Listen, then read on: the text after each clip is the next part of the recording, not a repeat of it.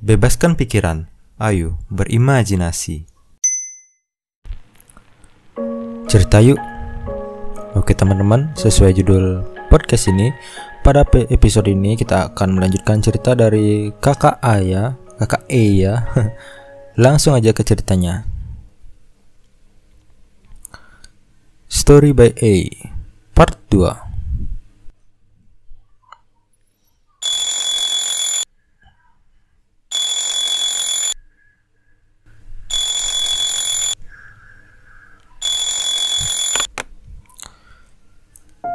Suara jam alarmku berbunyi, membangunkanku dari tempat tidur.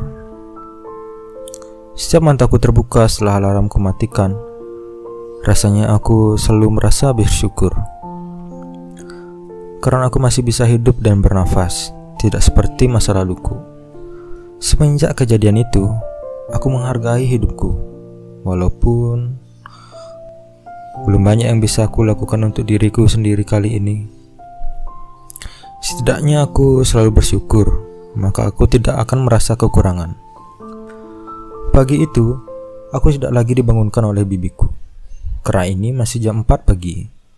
Ya, aku sengaja bangun sepagi ini untuk mengerjakan tugas rumah lebih awal, agar aku bisa menjalankan rencanaku yang telah aku buat kemarin. Hari ini aku memutuskan untuk pergi keluar rumah dan mencari pekerjaan yang bisa menafkahi diriku sendiri. Ternyata bibiku juga sudah bangun awal lebih awal. Loh, Dirga, pagi sekali kamu bangun. Ya, Bi, aku ingin mengerjakan tugasku dengan cepat hari ini. Bibi sedang ada pesanan bakpao ya? Ya nih, hari ini lumayan banyak pesanannya. Dan juga pamanmu akan lembur, jadi Bibi perlu menyiapkan bekal makan siang untuknya.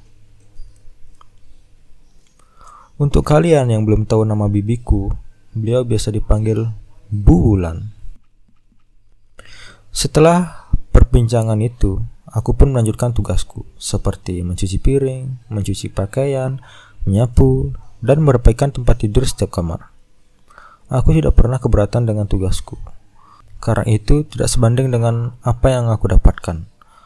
Walaupun aku merasa hanya bibiku saja yang baik denganku di sini, tapi setidaknya masih ada yang membantuku. Setelah pukul 5 pagi, aku bersama Bibi menyiapkan sarapan dan semuanya sarapan dalam satu meja. Ya, termasuk aku juga di sana. Aku belum sempat menceritakan tentang ingin keluar rumah dan mencari pekerjaan kepada bibiku. Aku hanya takut suami bibiku mengetahuinya. Entah mengapa, tapi aku tidak senang jika ia mengetahuinya. Setelah semua berangkat melakukan aktivitasnya masing-masing, aku menemui bibiku di kamarnya dan ingin memberitahunya bahwa aku ingin keluar rumah sebentar. Sebelum aku mengetuk pintu bibiku, aku mendengar bibiku sedang berbicara kepada seseorang.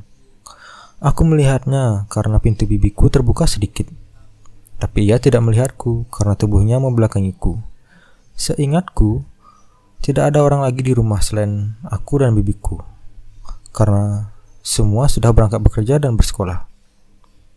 Tapi jelas aku melihat bibiku seperti berbicara kepada seseorang sambil menghadap ke arah orang itu. Aku berpikir mungkin tadi ada tetangga yang masuk ke rumah, hanya saja aku tidak mengetahuinya. Dan aku tidak jadi mengetok pintu bibiku. Aku pergi ke kamar lagi dan terdiam sambil menunggu bibiku keluar dari kamarnya. Karena kamar bibiku dengan kamarku itu tidak jauh, apalagi satu jalur untuk dari kamarku ke kamarnya.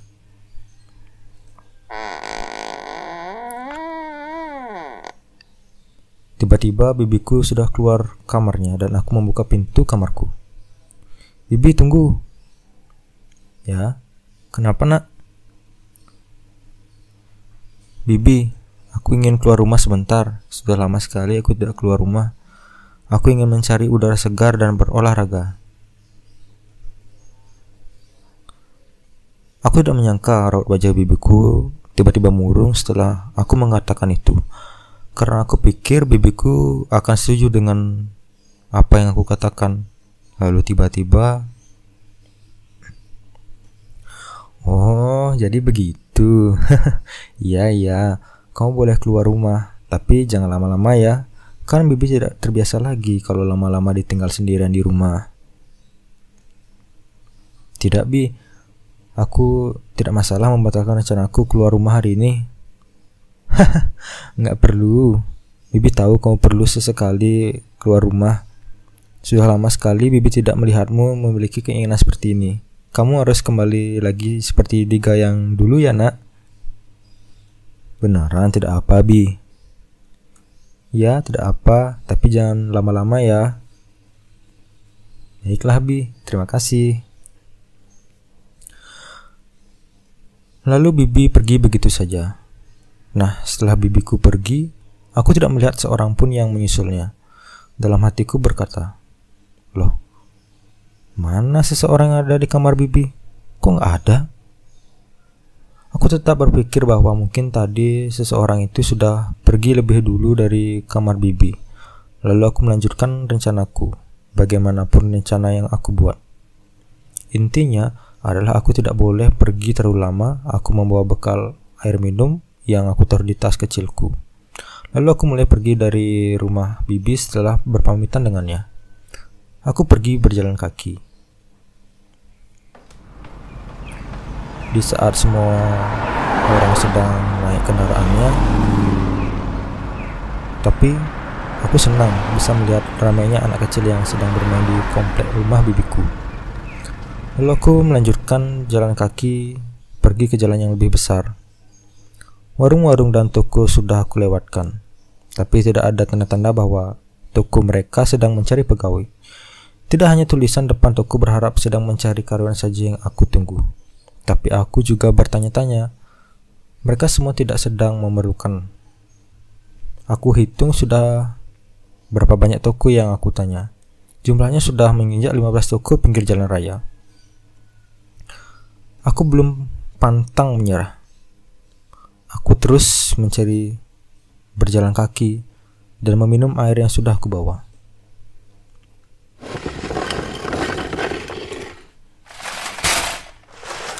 Sampai akhirnya ada toko yang sepertinya itu toko baru mulai buka.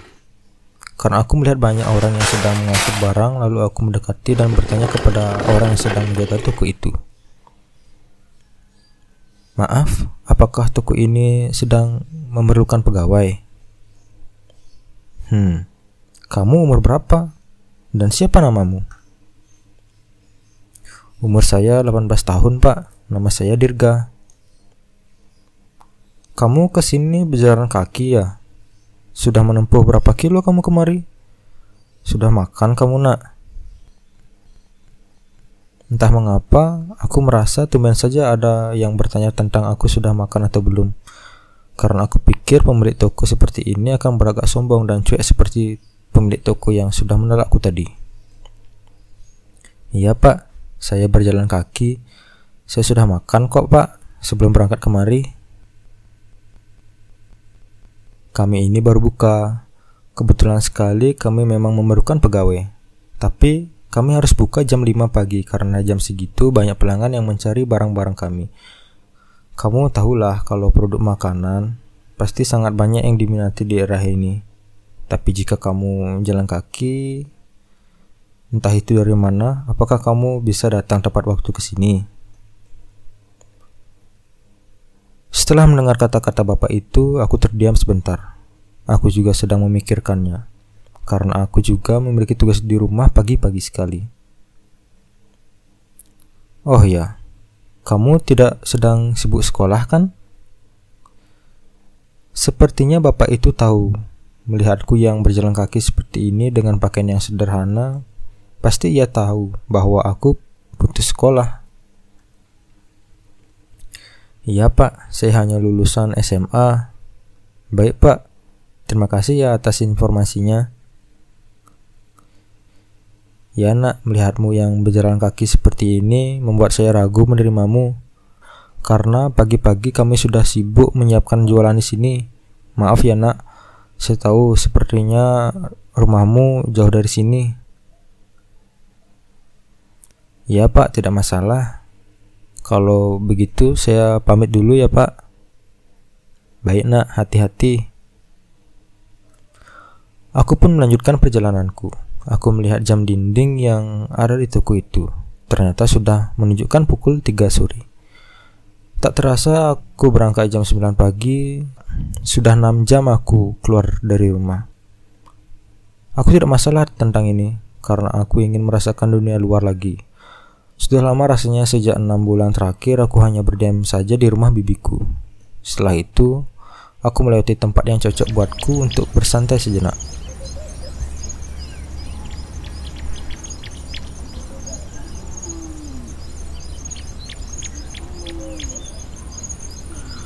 Rumput yang sangat hijau dan asri membuatku ingin merebahkan badanku di taman itu. Karena aku kelelahan, aku pun pergi ke sana dan merebahkan tubuhku di antara rumput-rumput hijau. Aku meramkan mataku sebentar, mulai memikirkan hal-hal yang lalu dan tiba-tiba mendengar suara ibuku. Nah, kami tahu kamu sudah kelelahan tapi janganlah berhenti. Hidup itu memang harus diperjuangkan. Serentak aku membuka mataku dan bangun melihat sekeliling. Tapi tidak ada siapa pun. Jelas aku mendengar suara halus ibuku. Lalu aku terdiam dan berkata dalam hati, "Tidak, seharusnya aku tidak terlalu lagi dalam keadaan seperti itu. Aku harus bangkit Aku merasa hari ini adalah awal. Ya, maksudku adalah mulai lagi dari awal membangun mimpi dan harapan kembali. Oke, part 2 dari Story by E berakhir sampai di sana. Gimana? Makin penasaran nggak tuh? oh ya, kita juga mendapatkan pesan dari penulis cerita ini yaitu kakak E. Aku bingung sih sebenarnya aku manggil kakak A atau A ya kalau dipanggil nama Indonesia sih kayaknya dibaca A ya tapi karena judulnya pakai bahasa Inggris jadi aku ngejanya jadi A oke ini dia pesan dari kakak E Nah, sekian dulu cerita dari part 2 Story by E. Cukup panjang ya, bahkan seperti mau buat novel. Tapi memang tujuan utamaku ini Aku berencana untuk part selanjutnya akan lebih cepat ke klimaks dan bagian akhir supaya nanti lebih cepat diproses jadi podcastnya. Ditunggu ya kak, part 3 dari Story by E. Senang banget rasanya bisa mencurahkan imajinasi ke podcast ini. Semangat untuk ngangkat ceritaku ya kak, salam kenal juga, aku E. See you soon. Oke, terima kasih juga kakak E sudah mau berbagi cerita ke podcast Bebaskan Pikiran. Aku seneng banget bisa buatin podcast hasil dari hasil dari karya teman-teman pendengar ya. Buat yang mau kirim cerita kayak kakak E, boleh banget langsung aja kirim ke email partisipasi ya di bebaskan pikiran community at gmail.com. Ayo berimajinasi.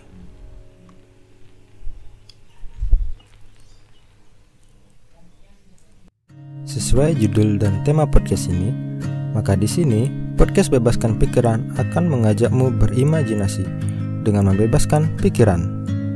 Podcast ini akan menyuguhkan cerita-cerita pendek dari berbagai genre. Curahannya akan menemani kalian dan pembahasan lainnya yang menarik untuk dibahas. Tentunya, podcast Bebaskan Pikiran akan menemanimu saat beraktivitas ataupun bersantai di mana saja dan kapan saja.